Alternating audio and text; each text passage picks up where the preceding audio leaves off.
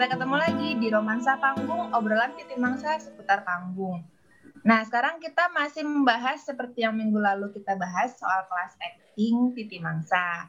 Sekarang kita masih bareng juga sama bareng-bareng Kak Adri dan Aime, peserta kelas acting tahun 2018 dan 2019. Um, apa namanya kan tadi udah disinggung beberapa kali sama Kak Adri bahwa peserta kelas acting Titi Mangsa itu datang dari beragam sekali hmm. profesi hmm. ya. Waktu kelas 2019 2018 itu ada Kak Adi yang kerja di uh, perusahaan, ada juga teman-teman yang lain tuh ada ada wira swasta, ada penyanyi, model, ada pengacara.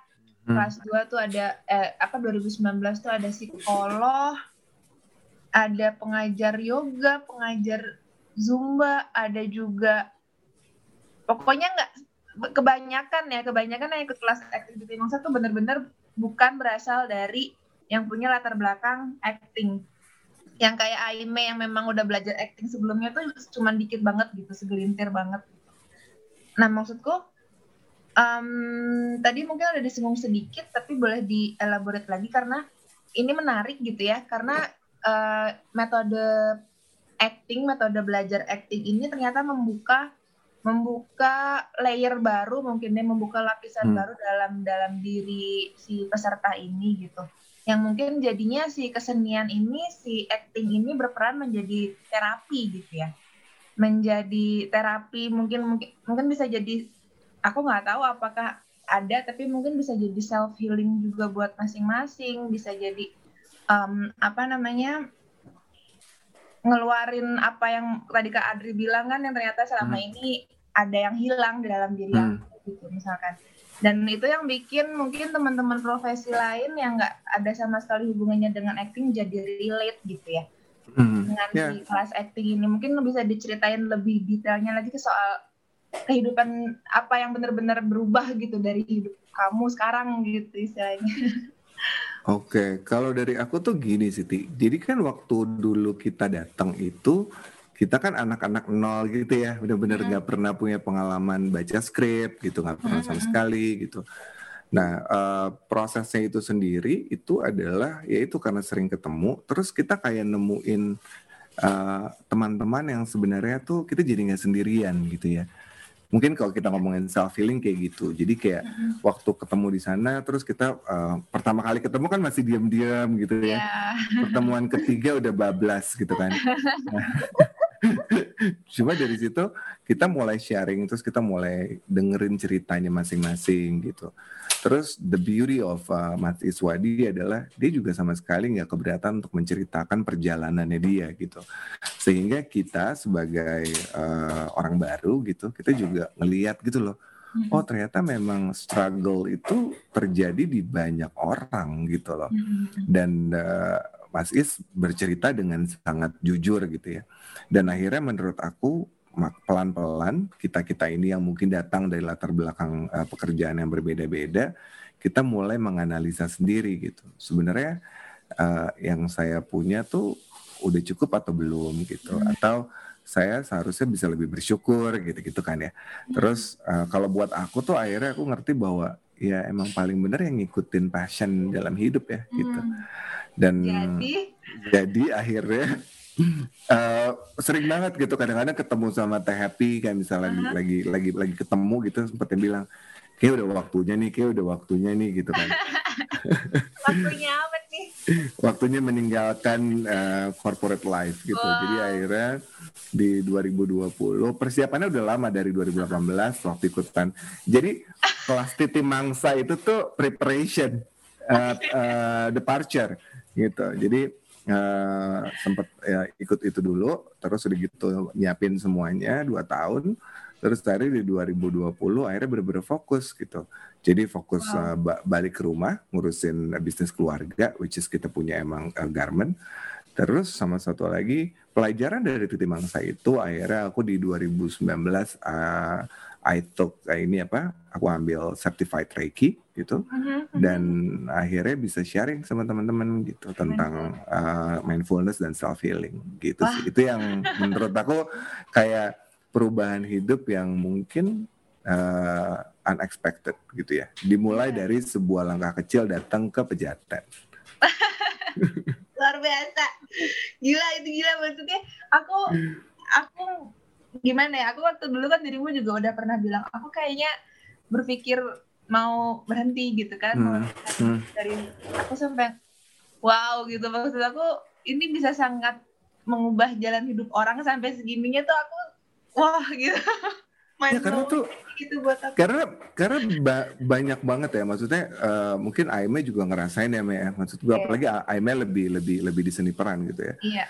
ketika ketemu sama teman-teman teater satu gitu ya uh, aku tuh bener-bener bisa ngerasain bahwa mereka they really really enjoy their life gitu mm -hmm. sementara kita yang yang mungkin berkarir gitu uh, ya kita hidup karena memang tuntutan pekerjaan aja gitu loh yeah. tapi ya itu tadi banyak banyak banyak banyak kehilangan kayak uh, punya waktu sama uh, keluarga atau punya waktu untuk mengikuti passion yang kita mau gitu kan jadi kalau kalau aku tuh kalau lihat kayak misalnya Aime lagi latihan gitu sama Teh Indah gitu-gitu tuh kayak oh it's good gitu jadi kayak menurut aku akhirnya terutama dari anak-anak 2018 kali 2019 aku nggak gitu kenal soalnya ya, iya. uh, rata-rata semuanya menemukan uh, passionnya masing-masing ada Laras, Aime gitu ya. jadi hmm. beberapa udah udah uh, apa ya mereka menemukan jalannya yang menurut mereka cocok untuk mereka terus tapi yang paling yang paling menyenangkan lagi ti adalah dalam kondisi apa pun gitu ya setelah kita dua ini 2018 berarti udah tiga tahun mau empat tahun, ya oh, ya empat tahun gitu hmm. kita tuh kalau uh, masih suka ketemu gitu ya hmm. walaupun jarang nggak kayak dulu hmm. tapi ya ceri kalau kalau kayak kebayang gak sih kayak teman lama udah nggak pernah ketemu gitu ya jadi walaupun nggak ketemu pas sekali ketemu tuh ya udah bawel aja semuanya gitu kayak ya, nggak ya, ada jeda gitu ya kayak ketemu ya. tiap hari banyak yang seru iya yeah, kurang lebih gitu Aime Aime gimana Mek? perubahannya pada diriku uh, gitu ya yang paling berkesan Hmm, mungkin karena aku uh, tingkat kekepoanku tuh tinggi. Jadi aku tuh pengen tahu diriku tuh sampai sejauh mana sih bisa bisa bisa di, digali gitu. Dan ternyata waktu aku ikut kelasnya kelas acting di Titi Mangsa, apalagi dipegang oleh mahasiswa di aku tuh nggak menyangka ternyata kok aku bisa ya kayak gini kayak gitu. Ternyata uh, aku menemukan hal-hal baru hal-hal lain di diriku yang sebelumnya aku tidak temukan gitu. Seperti itu. Dan juga kalau misalkan untuk aku terapin di kehidupan sehari-hari mungkin ya yang tadi aku lebih bisa berempati terus lebih bisa uh, apa lebih sensitif gitu. Terus habis itu lebih kayak um, apa ya melihat kehidupan itu kayak uh, semuanya itu indah gitu. Seperti itu sih jadi itu indahnya seni peran mungkin ya. Luar biasa loh dan Aima juga nggak terus nggak berhenti di situ kan ya maksudnya hmm. terus mencari apalagi Aima memang jadi memutuskan untuk fokus ke pemeranan ya Mei ya yeah. sampai hari ini tuh keren sih nah kan waktu kemarin itu kita um, tiga bulan belajar, kemudian nambah sebulan lagi untuk persiapan pentas ya. Itu sebenarnya udah di luar kelas kan kita persiapan hmm. pentas itu. M mungkin buat Aime itu udah beberapa kali pentas, buat Kak baru sekali kan ngerasain di, di atas panggung gitu kan. Hmm. Boleh diceritain ya uh, prosesnya gitu dari mulai dipilih dipilih naskah, dipilih pemerannya siapa, kemudian sampai latihan menghafal sampai pentasnya gitu. Itu boleh ya diceritain perasaannya. Karena kan baru pertama nih dan dan sebelumnya hmm. juga nggak hidup di dunia itu ya. Aime juga ya, ya kalian. Oke. Okay. Aku duluan. Iya, terserah Oke. Okay. Ya kalau aku tuh dulu yang paling lucu adalah ketika terima skrip uh, uh, sumur tanpa dasar, dasar. ya, ya kan? Sumur ya. tanpa dasar itu pertama kali aku udah kepikiran ti, aku nggak akan mau jadi jemena gitu. Banyak bener kan naskahnya Iya skrip skripnya banyak banget berpuluh-puluh halaman gitu kan ya. ya terus kayaknya juga uh, aku nggak punya background yang sama gitu seperti dia gitu. Terus pas akhirnya dipilihin uh, kita pembagian apa pembagian karakter sama Mas Is, Mas Is ngasihnya, oke, okay, ada jadi Jemena gitu. Gue langsung kayak, ya Allah, harus banget nih gitu kan.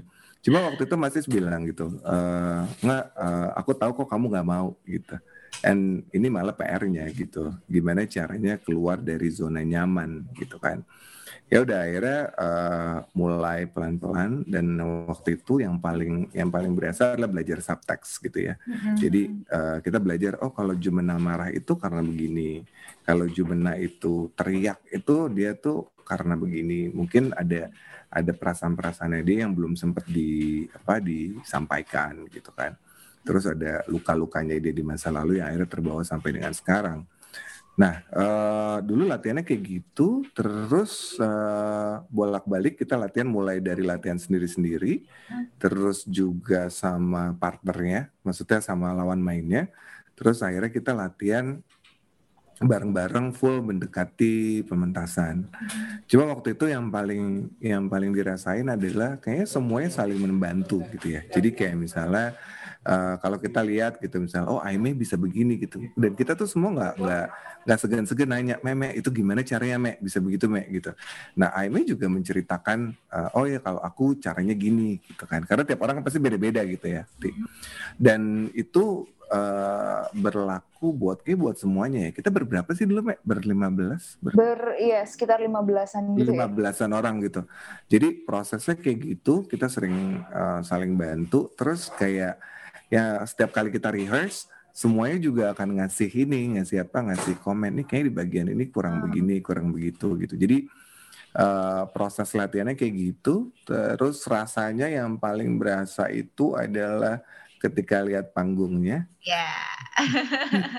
karena dulu biasa kita latihan di Titi Mangsa kan di rumah gitu ya. Kalau pas lihat panggungnya terus uh, ya deg-degannya di situ. Tapi ya itu uh, semuanya selalu ada cara gitu. Dan ternyata kayak waktu kita belajar lighting kita tahu uh, blocking dan lain-lain kita jadi lebih ngerti gitu. Oh bahwa selalu ada bantuan kok gitu kan jadi kita memang diharuskan menghafal sekian puluh halaman gitu tapi yang paling penting itu waktu itu adalah diajarin sama Mas Is adalah yang paling yang paling penting ngerti mau ngomong apa kita mengerti yeah. yang mau disampaikan gitu. Doesn't have to be yang kayak plek-plekan exact, uh, uh, exact words gitu. Jadi itu juga membuat kita lebih nyaman. Terus uh, waktu akhirnya mentas gitu ya, berapa aja ya? Dua setengah jam ya? Iya, dua setengah jam. Iya kan? Dua setengah jam nggak berasa gitu ya. Pokoknya uh, waktu itu benar-benar pingin kayak uh, ini udah latihan 4 bulan, uh, pingin tahu hasilnya kayak gimana, uh, dan ternyata it was good gitu. Um, waktu itu ibu aku datang, terus uh, teman-teman datang gitu ya, terus mereka suka kayak, oh kayak my mom tuh lucu banget. Ibu aku tuh nggak suka aku main seni soalnya, sampai dia bilang gini, uh, oh sekarang mami ngerti gitu, this is what you want. Gitu. Jadi dia mengerti bahwa Uh, kenapa anaknya memilih untuk uh, berkesenian, terus juga ngurusin uh, perusahaan keluarga juga berkaitan dengan seni gitu dengan art. Ya karena dari pas dia nonton itu, dia ngerasa kayak, ya kok kamu bisa all out ya gitu ya. Walaupun buat buat aku sendiri kayaknya masih belum maksimal dan tentunya aku rasa semua sama mau Aimi yang sekarang jadi uh, fokus di seni peran ataupun teman-teman lain yang mungkin masih tetap di pekerjaannya masing-masing selalu semua kangen pentas itu. Hmm, asik. Ya kan? Berarti ada kemungkinan balik lagi ke panggung berarti ya. oh. oh. Oh. Tapi memang sih kayak uh, apa bermain di panggung itu selalu apa ya? Selalu ngangenin gitu. Mm -hmm. Apalagi prosesnya ya Iya. Coba kan beda. Iya. Di masa kan Ame juga pernah pentas ya selain di kelas acting gitu kan. Nah, hmm. kita boleh dong ceritain Oh. Pertama yang kelas acting ya, yang kita pentas kelas acting. Oke, okay, pentas kelas acting yang sumur tanpa dasar ya. Mm -mm. Itu uh, yang itu juga boleh sih, Mei. Yang kedua kan kamu juga ikutan yang Oh, iya. Sih judulnya aku, aku lupa. Kamu pentasin um, Endgame. Endgame ya. Hmm. ya boleh. Menurutku sih uh, di setiap prosesnya itu semuanya sama aja. Kayak maksudnya di setiap prosesnya pasti akan uh, kita nemuin kayak kejutan-kejutan yang kita tidak duga gitu. Dan uh, itu yang membuat aku tuh uh, kangen untuk berproses gitu hmm. Dan juga uh, apa ya untuk kita membangun karakter itu kan kita harus melalui proses observasi. Dan proses observasi itu juga yang paling menarik dan itu yang paling aku sukai juga sih kalau misalkan lagi apa berproses gitu. Jadi kita bisa tahu kayak kehidupan uh, karakter lain itu seperti apa. Terus mau nggak mau kita juga harus kayak membedah apa uh, asal usulnya mereka seperti apa. Jadi itu juga menambah ilmu pengetahuan kita secara tidak langsung gitu. Jadi apa namanya awalnya mau ikutan kelas acting aja tapi yang didapat pada akhirnya adalah juga um, ilmu kehidupan nih istilahnya ya maksudnya. Iya. Hmm, jadi kalau misalkan uh, aku sebagai Aime oke okay, aku terbatas dengan apa pencarian ilmu yang segitu-segitu aja. Tapi ketika aku membedah karakter, aku uh, akan melewati proses observasi yang di mana aku akan menemukan ilmu yang lain gitu, yang aku tidak menemukan ketika aku menjadi diri aku di kehidupan sehari-hari gitu. Dan menarik itu buat iya. aku gitu. Dan proses menuju pentas itu yang wow, itu deg-degannya udah kayak mau pingsan. Sumpah nungguin di, di pinggir, pinggir walaupun kalian tiga bulan ya tiga bulan latihan sebulan tambahan untuk pentas tapi pasti waktu misalnya gini kita aja aku nih yang di belakang panggung aja ikut deg-degan gitu. Apalagi kalian yang di depan ketemu penonton langsung. Hmm. kemudian itu pasti nervousnya kan biasanya kan. Ada nggak sih kayak gitu-gitu kemarin demam panggung atau lain gitu? Ya udah Aduh. pasti kali. Ya gimana? Udah pasti.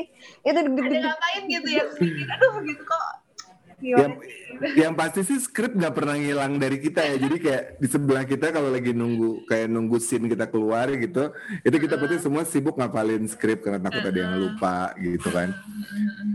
Ya deg-degan mah pasti ya ya gak mungkin iya, enggak pasti gitu ya. banget. ya tapi itu kayak pas nunggu itu kayak bener-bener udah yang kayak udah mau pingsan gitu rasanya. Tapi pas udah masuk ke panggung itu yeah, kayak beda banget. beda gitu kayak wah gitu ya udah gitu ya ya apa, gitu mas gue lah gitu jadinya ya, show must go on apa pun yang terjadi ya show must go on dan mungkin buat buat yang teman-teman yang pingin ngerasain gitu ya hmm. memang waktu waktu kita belajar ngafalin skrip kemudian blocking di di tempat latihan gitu hmm. itu rasanya beda banget gitu iya. ketika yeah. uh, masuk ke dalam uh, tempat uh, panggung pentas kita itu hmm. itu sebenarnya kita akan sangat dibantu dengan uh, kostum gitu ya. Karena kan teman-teman kita juga semua lawan mainnya sudah sesuai dengan karakternya. Mm-hmm. Sama satu lagi yang membuat lebih lebih tenang adalah udah mulai ada musik sama lighting. Mm-hmm. Itu membantu kita banget untuk kayak melupakan segala beban hidup yang harus diafalin gitu.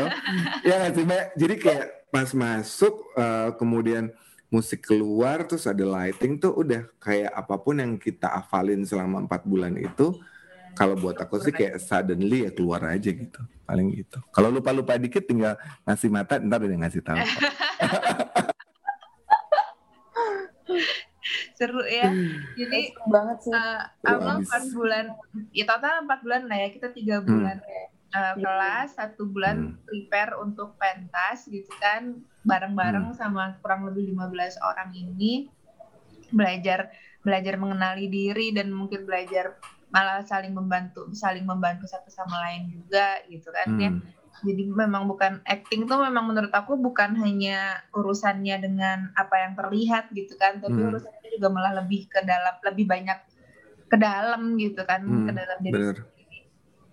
itu ini sih apa namanya yang nggak pernah bisa selesai yang yang aku selalu percaya bahwa kesenian terutama gitu ya bukan cuma acting itu punya fungsi sebagai terapi itu bener banget gitu. Maksudnya itu sangat bisa di um, dipertanggungjawabkan ya. Terutama kayak pandemi ini kemarin yang tahun kemarin. Orang-orang nggak bisa ngapa-ngapain nggak bisa ke mana-mana larinya ke mana. Kebanyakan yang kan ada ya puisi lah ya melukis lah ya hmm. ya balik lagi ke kesenian lah istilahnya gitu kan. Menarik menarik. Nah sekarang aku kan mau mulai buka lagi nih tahun ini. Doain wow. ya guys. Gak sabar nih. Pasti didoakan. Pasti Doain biar uh, nanti adik-adik kelasnya ini mendapatkan apa yang um, teman-teman ini dapetin juga. Nanti aku mau buka walaupun memang mungkin akan ada pengurangan dari kuota biasa gitu ya karena kan di mana pun masih masa pandemi kita harus juga hmm. membatasi ya gitu dan ada pengurangan kuota kemudian juga apa namanya kelasnya nggak seluruhnya juga tetap muka gitu. Pasti ada yang via zoom kayak gini kita sekarang gitu kan. Um, tapi semoga mereka mendapatkan apa yang teman-teman juga dapatkan gitu ya dengan ekspektasi ekspektasinya di awal. Um, nanti semoga ada bisa kita pentas lagi. Kita ketemu lagi nanti di panggung ya siapa tahu. Amin. Kelasnya kapan ti kelasnya um, pengennya mulai Juli sih Juli. Hmm. Juli Agustus September. Tiga bulan ya? Tiga bulan. Ya, sama lah kayak kemarin yang hmm. Aime mau ikutan lagi kelas tiga. Kelas tiga. Kata ada apa enggak kayaknya enggak sih. Aku menunggu berproses bareng aja. Uh, uh, ya. Teman-teman ya ditunggu. Kita semoga ketemu lagi di panggung. Makasih ya Kak Adri Aime. Sama-sama ini uh, semoga jadi insight buat teman-teman yang juga mau daftar yang masih ragu. Mereka kan mereka harus bayar ya. Mereka hmm. juga kan waktu itu bayarnya juga uh, untuk uang yang juga nggak sedikit gitu kan. Mungkin ragu apa aja yang akan didapat dari sini gitu. Mungkin ini bisa membantu teman-teman yang lain yang mau daftar um, untuk oke okay deh aku putuskan gitu. Akan mengubah jalan hidup seperti yang dan Ayu lakukan. Pokoknya nggak nggak rugi deh gitu pokoknya. Nggak rugi ya nggak rugi, malah nggak rugi dan malah maka, kalau menurut aku sih dapetnya lebih ya gitu. Ya, karena kan sebenarnya sebenarnya pengalaman hidup kan nggak ada harganya ya gitu. betul. Ya. Betul betul betul betul oke deh terima kasih Kak Adri terima kasih Aime sehat-sehat terus semoga kita ketemu lagi di panggung ya Amin. Thank you juga Tia. Thank you Aime. Nice meeting you. Yeah. Bye. Bye semua. Bye semua. Itu dia pembahasan soal kelas acting Titi Mangsa. Nah, tahun ini 2021 ini Titi Mangsa akan kembali membuka kelas acting uh, reguler ya, teman-teman bagi yang berminat untuk daftar ke kelas acting Titi Mangsa, terus ikuti lini masa Titi Mangsa di Instagramnya Titi Mangsa @titi mangsa foundation. Di situ nanti akan teman-teman temukan uh, informasinya bagaimana cara mengikuti kelas. Ya, Oke, terima kasih. Sampai ketemu lagi di Romansa Panggung, obrolan di Timangsa seputar panggung. Dadah!